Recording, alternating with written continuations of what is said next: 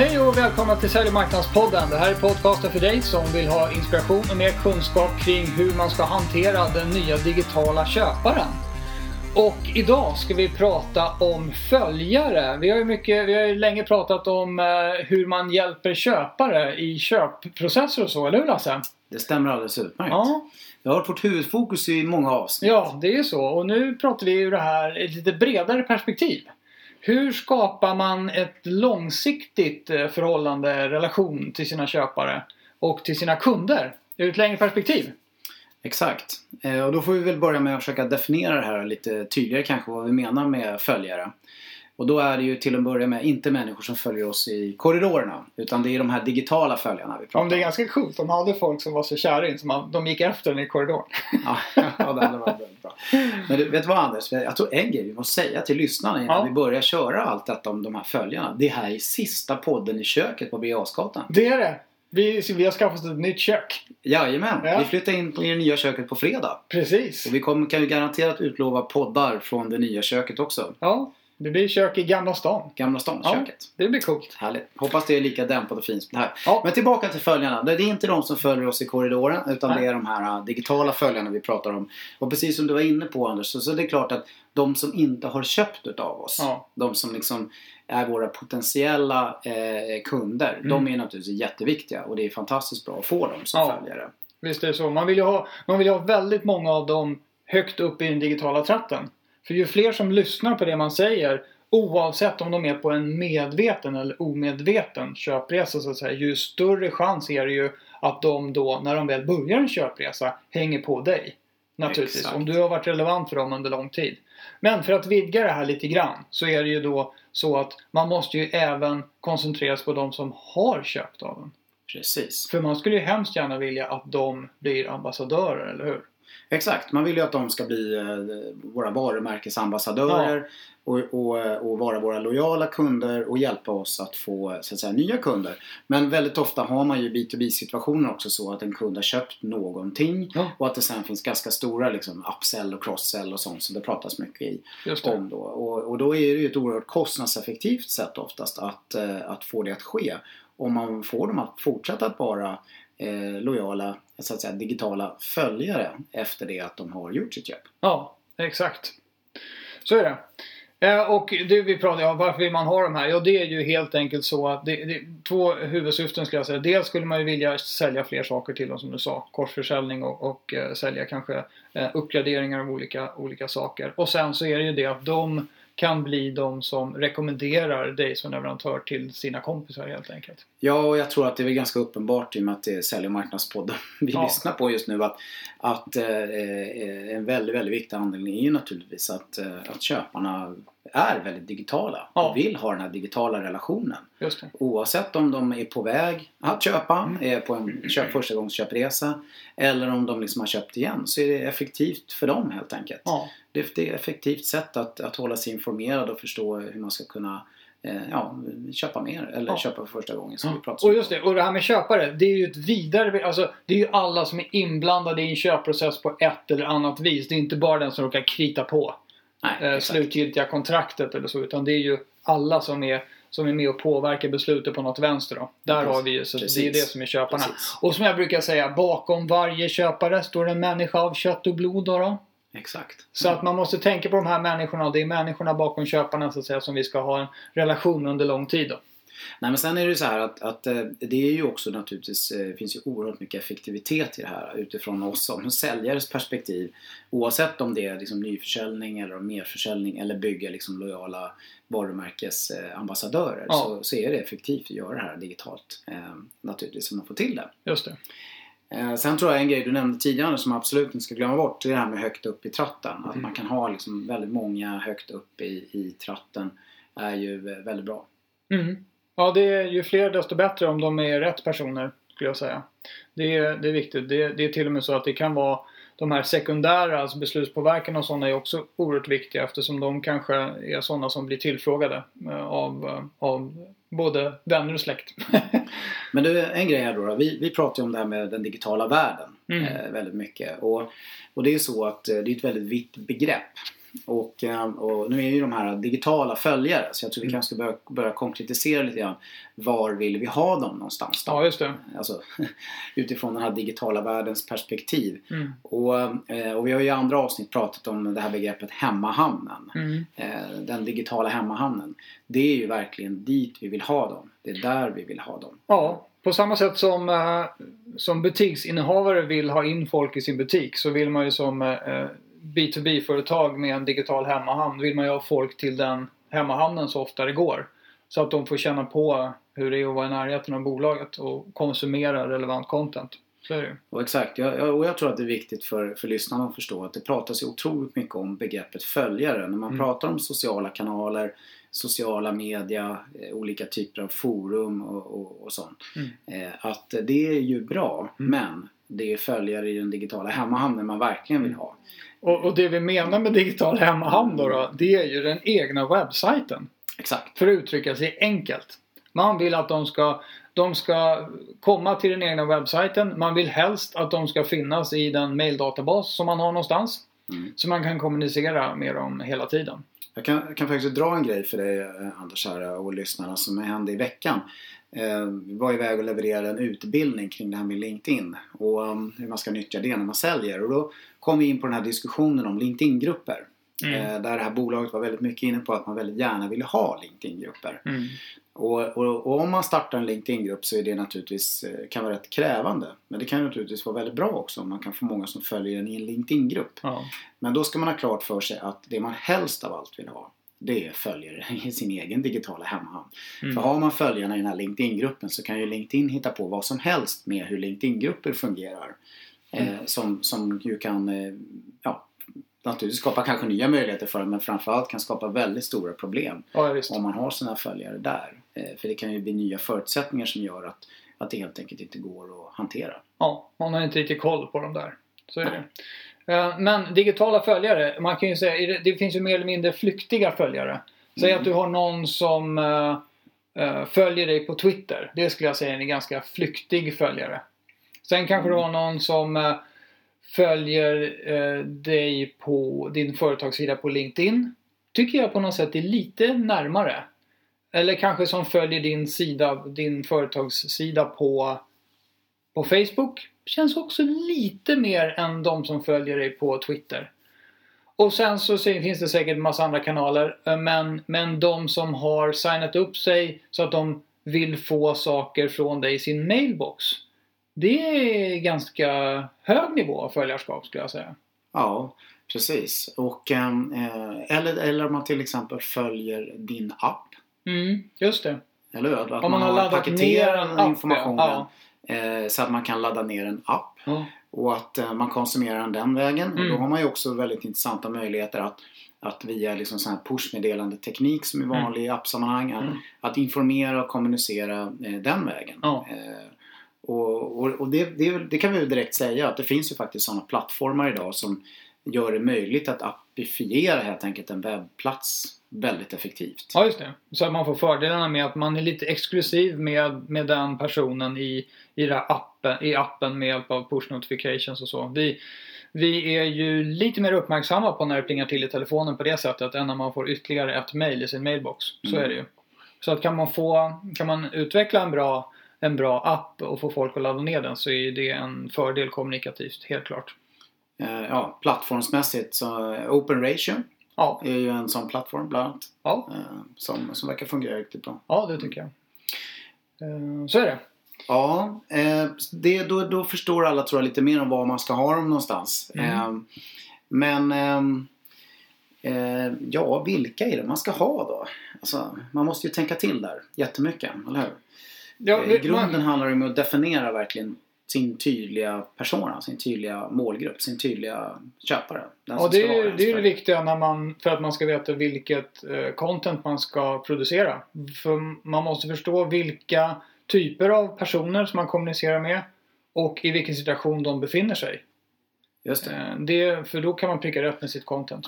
För, för, för contentet och innehållet kommer naturligtvis att variera beroende på om det är någon som är förstagångsköpare eller någon som ska köpa mera eller om man ska bara få, få ut maximalt värde utav eh, det man har faktiskt köpt och så vidare. Ja, Eh, Så det, så det gäller att tänka, att inte bara tänka på, på vem det är och att det är liksom en, en, ja, en person eller en följare som man verkligen vill ha och som passar en utan även liksom var någonstans i den här cykeln Ja. man ska säga, de befinner sig. Just det. Och, och det är en sak som är säkert. Ska man skapa de här lojala ambassadörerna. Då är nog det viktigaste skulle jag säga. Det är ju att man eh, ser till att de får ut maximal nytta av det de har köpt. För att man kan ju säga så här. Content marketing och hela den här svängen. Det bygger på att man bjuder på massa kunskap gratis. Kunden behöver inte betala någonting. Förutom sin dyrbara tid skulle jag säga. Det är ju det som är själva grejen. Men de betalar inga pengar för något av det här. Men sen när de väl har köpt någonting av dig. Mm. Då åker ju förväntningarna upp maximalt i taket. Mm. Och kan du då inte garantera att de får ut maximal nytta av det här, ja då kommer de ju knappast att vara en ambassadör som rekommenderar det till andra, andra människor. Så då är det riktigt, riktigt viktigt att man ser till att de kan utnyttja den produkt eller tjänst som de faktiskt har köpt och betalt för eh, på absolut bästa sätt. Och kan man göra det med hjälp av digital content, då är ju det väldigt kostnadseffektivt för dig som leverantör. Man har Mm. konsulter som åker ut och hela tiden duttar med kund. Det drar ju en väldigt mycket kostnad då och eh, man kanske hamnar i en situation där man måste debitera kunden mer för att de b- skulle kunna utnyttja det som de faktiskt har köpt och betalt för. Och det är ju ingen bra sits. Men kan man, kan man se till att kunderna får ut maximal nytta av produkten och inte bara så att säga, problemlösningsinformation. Så här löser du problem. Helst vill man att kunden inte ska ha problem med produkten. Mm. Eh, Men kan man få dem att utnyttja den som det är tänkt och ge dem tips om alla de fantastiska funktioner som finns i produkten som de har köpt eller den tjänsten, vad det kan vara för någonting. eh, Då, det är då man får nöjda kunder. Och kan man då göra så att de här nöjda kunderna dessutom på ett enkelt sätt kan tala om för andra att de är nöjda. Då har man ju kommit väldigt långt. Precis, exakt. Eh, om man kommer tillbaka till det här lite grann med, med, med köparna och, och vilka man ska fokusera på så, så är det ju ändå så att man behöver lägga lite tid på att analysera det där och eh, försöka förstå lite mer liksom, om dem kanske än vad man förstår idag. Eh, för att man verkligen ska kunna eh, Eh, välja rätt att fokusera sig på och vilket content man, och innehåll som man kommer behöva producera för de här olika situationerna. Ja, ja så, så är det. Så att grundprincipen, se till att de kan utnyttja den produkt eller tjänst maximalt. Se till att de sen kan tala om att de är nöjda för andra personer. Eh, då, då kommer man... Det blir, det blir en liten annan vinkel på det här med... Du ska liksom vara relevant som nuvarande leverantör för en kund. Även efter de har köpt. Inte bara det att du har en kundservice dit de kan ringa när det är problem. Utan det ska faktiskt vara normalläget ska vara att du är relevant för dem även när de inte hör av sig. Du ska höra av dig till dem och kolla att allting är bra. Exakt. Och tipsa dem om nya funktioner eller befintliga funktioner. Och kan du på något sätt bygga in i din produkt så du ser i vilken grad de utnyttjar den. Mm. Så att du kan hålla koll på det också. Då är det ju fantastiskt. Det, då, kommer man in, lite- då bygger man ju in det här med kundnöjdhet i själva produkten. Mm, exakt. Men hur ska man tänka kring det här med, med att, eh, att eh, publicera och promota och, och leverera content då, och innehåll till följarna? Ja, det är ju, eh, följer ungefär samma grundregler som, som vi har sagt förut. Att, att istället för att jobba med någon sorts kampanj eh, marknadsföring eller olika kampanjer för att informera om, om nya saker utifrån ett eget perspektiv så är det mer att man rullar på enligt en enligt en kalender med information till, till köparna, de som har, inte har köpt ännu, de potentiella köparna eller de som redan har köpt. Att man hela tiden tycker, det är gamla hederliga kundtidningen kommer till heders igen skulle jag säga. Men troligtvis i ett helt annat, en helt annan paketering än, än eh, en massa papper mellan två pärmar. Eh, Men, men eh, fokusera på det och, och även där handlar det om att ju mindre skryt desto bättre. Mm. Och ju mer relevans för, för de här köparna. Och, eh, och jag tycker fortfarande att det om man har bra relevant content för de som redan har köpt. Då är ju det också till nytta för de som inte har köpt ännu. För man kollar ju, när man utvärderar en leverantör så tittar man ju även på, man försöker ju bilda sin uppfattning om är, hur det kommer att vara att vara kund Exakt. åt exakt. den här leverantören. Så kan man få en bra bild av det. som inte bara är sådana här skrytkund-case och sånt där, där man har eh, fått någon kund att skryta om en utan att man försöker visa på hur det kommer att gå till Mm. efter man har köpt också. Ja, precis. Och det här, det här contentet man skapar till de följarna som är ens kunder Mm. som man ska få köpa igen och Mm. bli ens eh, lojala varumärkesambassadörer. Så, Mm. då, så har man otrolig nytta av det även mot de som ännu inte har köpt. Ja. Det och kan, liksom- och, kan man, och, och så här är det ju att det, det, det känns ganska logiskt och okontroversiellt att säga att att få en befintlig nöjd kund att sprida content vidare det borde ju vara enklare än att få ett prospect att sprida relevant information vidare. Eh, Så att du kan ju tänka dig att du, du skapar information för din kundbas men som också lämpar sig för de som inte har köpt ännu. Mm. Vilk, för det kommer din kundbas att sprida vidare. Om de tycker att du är en bra, bra leverantör som de vill hjälpa. På samma sätt som du har hjälpt dem. Exakt. Jag, jag, jag tror att många, många känner lite grann det här att okej, det här med content och så börjar förstå det lite grann. Men, men man måste, tror jag, vara ganska tydlig med, med, eh, med hur man behöver tänka där för att man ska liksom få fram det. Jag tror att många har den uppfattningen att man måste göra otroligt mycket eget eh, nytt fantastiskt eh, content. Mm. Eh, men det är inte alltid så det är. Utan det kan duga väldigt långt med att man även plockar in andras content i våra köpares sammanhang. Och att man samlar ihop och, och summerar ihop annan typ av content så att säga för, för köparna. I kombination med att man behöver göra så att säga eget. Eh, och det behöver inte alltid vara så långt och fantastiskt utan det kan vara det här lite mer korta som summerar och, och som liksom på ett enkelt smidigt sätt gör att någon förstår.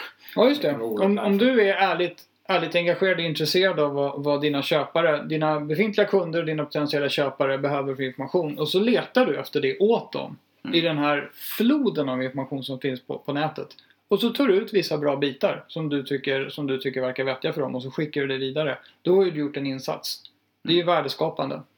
Så, är det. Man behöver inte bara sitta där och tänka de stora tankarna och komma på allting själv naturligtvis. Nej, och det, det är ju väldigt populärt det här med här tips och tricks från vardagen och, Mm. och alla sådana här grejer. Det behöver inte vara så himla långt och märkvärdigt alla Nej.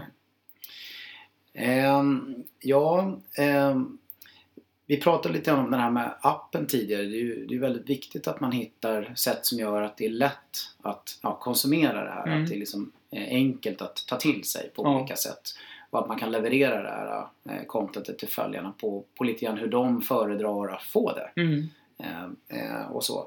så och eh, det finns ju en annan eh, viktig teknik där som vi egentligen inte har nämnt som är det här med att prenumerera på RSS-flöden. Mm. Eh, det är ju många bloggar som gör att de, de, eh, de levererar informationen i ett sånt här med sån RSS-teknik och man kan ha sån här eh, läsare så Ja. man kan liksom som Feedly till exempel, eh, som är alldeles förträfflig sån här eh, läsare. Där man snabbt kan få olika typer av content och information eh, sammanställd Mm. eh, som, som är, är, väldigt behagligt för många. Eh, le- levererar i mailboxen naturligtvis, många som föredrar Ja. det här med app var vi inne på. Det finns olika så tekniker, vi behöver inte gå in på alla men, men det, är, det är viktigt att tänka på. Det är viktigt att man inte sätter upp några jättetrösklar för att folk ska kunna följa en.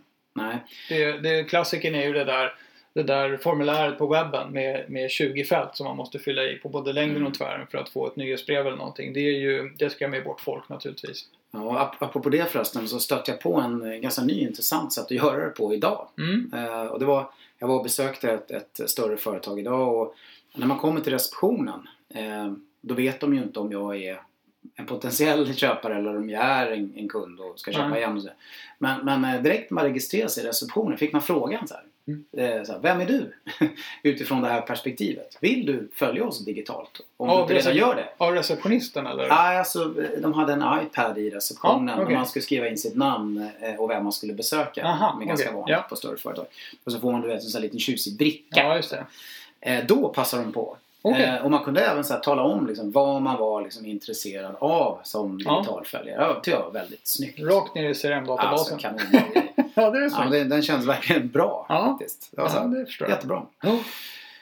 Eh, du, en annan grej sen då som är ju otroligt effektivt för att få nya följare Mm. och få de här befintliga följarna att verkligen tycka att det är relevant att följa. Mm. är om man kan få dem själva att vara med och skapa content. ja.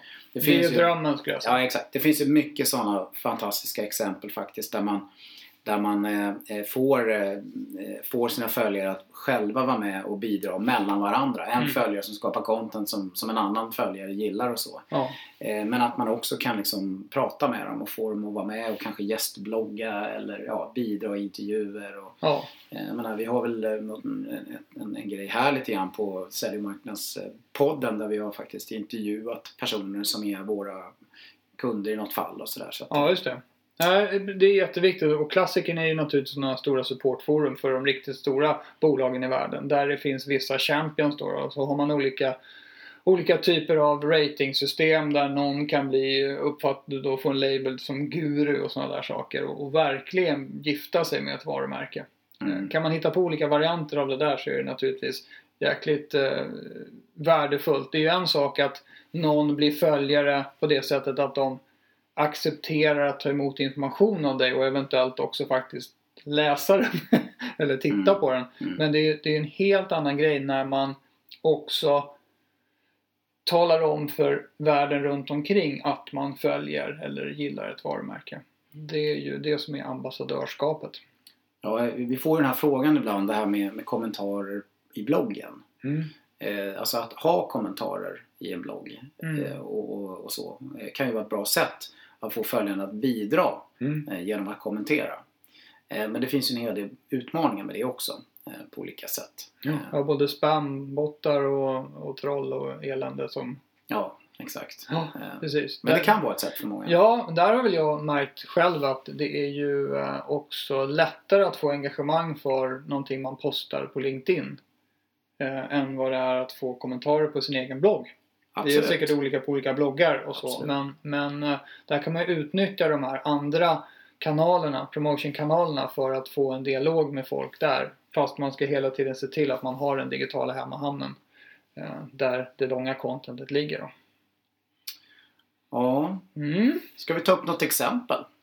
Ja, du hade ju ett exempel. Ja, jag hade det. Jag hade några som jag själv följer eh, som vänder sig mycket mot eh, mindre bolag som startar upp och, och till entreprenörer och, och så Mm. här. Eh, I och för sig är de här amerikaner men de heter OpenView eh, OpenView eh, Partners heter de. Eh, OpenViewPartners.com Mm. och eh, de är ju, eh, de är ju ett investmentföretag. Ja. Eh, Men de gör fantastiskt bra content. Både eget content Mm. Och de eh, så att säga, samlar ihop andras content som är relevant för, ja, för, för entreprenörer och för, Mm. för företagare. Eh, som levererar ett fantastiskt värde. Mm. Eh, och man kan få det också levererat på lite olika sätt beroende på hur, hur man vill ha det. Eh, personligen har jag just dem via mail faktiskt. Ja. Tycker det funkar bra eh, just i deras fall. Eh, det, det är ett bra exempel. Ja. Vi kan lägga in det i våran bloggpost när vi släpper avsnittet så kan man klicka där och gå in och titta. Ehm, Mm. eh, ett annat företag som, som eh, jag har tittat mycket på som är lite grann en case study också inom content marketing-världen som heter, de heter Indium, indium.com. Okej. De är, det är ett bolag som, som eh, gör, eh, tillverkar material. Man- Jaha, de där i- löd, Ja, eh, exakt. lödgubbarna. Lödgubbar. Lödkolvarna. Hoppas de inte lyssnar på avsnittet annars. Lödkolvar. Lödgubbarna. Nej men de tillverkar material man behöver för, i, framförallt inom elektronikindustrin Ja. för att montera och, och, och bygga elektronikprodukter. Mm. Eh, Ett ganska stort företag, amerikanskt bolag. De, de är fantastiskt duktiga på att eh, vara aktiva i, i sociala kanaler och föra människor in till deras digitala hemmahamn. Eh, och där har de väldigt mycket bra relevant content. Man kan prenumerera på det på längden och tvären och, Ja. och så. Så att eh, de är riktigt duktiga på det här också. Ska jag säga. Traditionellt B2B, relativt Ja. stort bolag eh, som gör det här riktigt bra. Just det. Men vi måste ha något tips. Som Det vanligt. tycker jag. Det tycker jag. Eh, Ett konkret tips. Mm. Och vi, har- jag tycker det här är lite intressant för vi har ju oftast pratat om att man ska börja från början med köparna som är man måste ha en trigger och det i början. Men nu tycker jag vi kan börja andra änden här. Om ja. man tänker på, på B2B-företag som har varit igång ett tag. mm. Som har en kundbas. Men det har ju. Ja, Det det har de flesta på något Mm. sätt. Kanske utan de här som ska ha riskkapital från de här OpenView Partners. Man får väl gå dit då. då. Men de som har kunder och inte behöver riskkapital kanske. Eh, då kan man säga så här. Utmaningen är då att se till att de här kunderna blir ambassadörer. Precis. Det är ju första steget. Ja. Och vad ska man då, om man tänker en contentstrategi utifrån köpresan så här att de inte känner till det överhuvudtaget. Jag vill prata mycket om, sen ska de mogna genom köpresan och sen ska de välja leverantör. Nu har de ju valt leverantör, de har köpt grejer av dig, de har betalt pengar till dig. Mm. Hur ska du få dem att bli ambassadörer för ditt varumärke? Mm. Och då börjar man ju naturligtvis med att se till att de får ut maximal nytta av det de har köpt. Ja. Eller hur? Ja. Och att få dem att, eh, att verkligen förstå och gilla det vi gör. Ja. Och ge dem grejer som de kan vilja ge till andra. Ja, eh, I form av digitalt content. just det. Eller? Så- Eh, så, och då, du känner dem ju redan. Du har ju liksom, Ja, eller? Du eller kan hur? prata med dem och fråga dem mycket lättare också vad de faktiskt vill ha. Vad Ja. de behöver för att de ska bli ännu lyckligare och verkligen få ut maximal nytta. Precis. Det- för det, för det det, är ju två saker som de flesta bolag gör. De har satt upp någon form av helpdesk. Så när någon har problem, då har de flesta åtminstone fattat att man ska finnas tillgänglig för kund. Då. Det är lite sent kan man säga. Mm. Eh, um, så att det, det är det första. Man ska vara proaktiv i sin kundkommunikation. Kring tala om för kunderna hur de med hjälp av relevant content från dig kan utnyttja din produkt eller din tjänst på det absolut maximalt bästa sätt. Det, det, där i ligger liksom kärnan i contentstrategin för kundbasen. Sen ska du se till att när de har, när de har kommit upp på en nivå så att de utnyttjar din produkt på maximalt sätt. Och då ska du göra precis det Lasse, som, som du sa tidigare. Förse dem med information som de kan sprida vidare till andra personer som inte har köpt den. För då har du skapat det här ambassadörskapet som du är ute efter. Och jag, jag skulle vara tydlig och säga också det att, att den typen av content kommer inte vara tillräcklig för att du ska få det här att fungera för sådana som inte har köpt. Men de kan i alla fall vara en bra grund. Vad säger Ja, tittar man på det i perspektivet om en person som du har levererat till sprider vidare till sin kompis. Då får ju den där kompisen informationen från någon som redan är betrodd. Det är ju ett sätt att förstärka, att se till att ditt content kommer ut till personer som inte ännu är i din tratt. Men om du själv ska sköta kommunikationen med någon som aldrig hört talas om dig förut. Det ställer ju andra krav på content då. Exakt. Mm.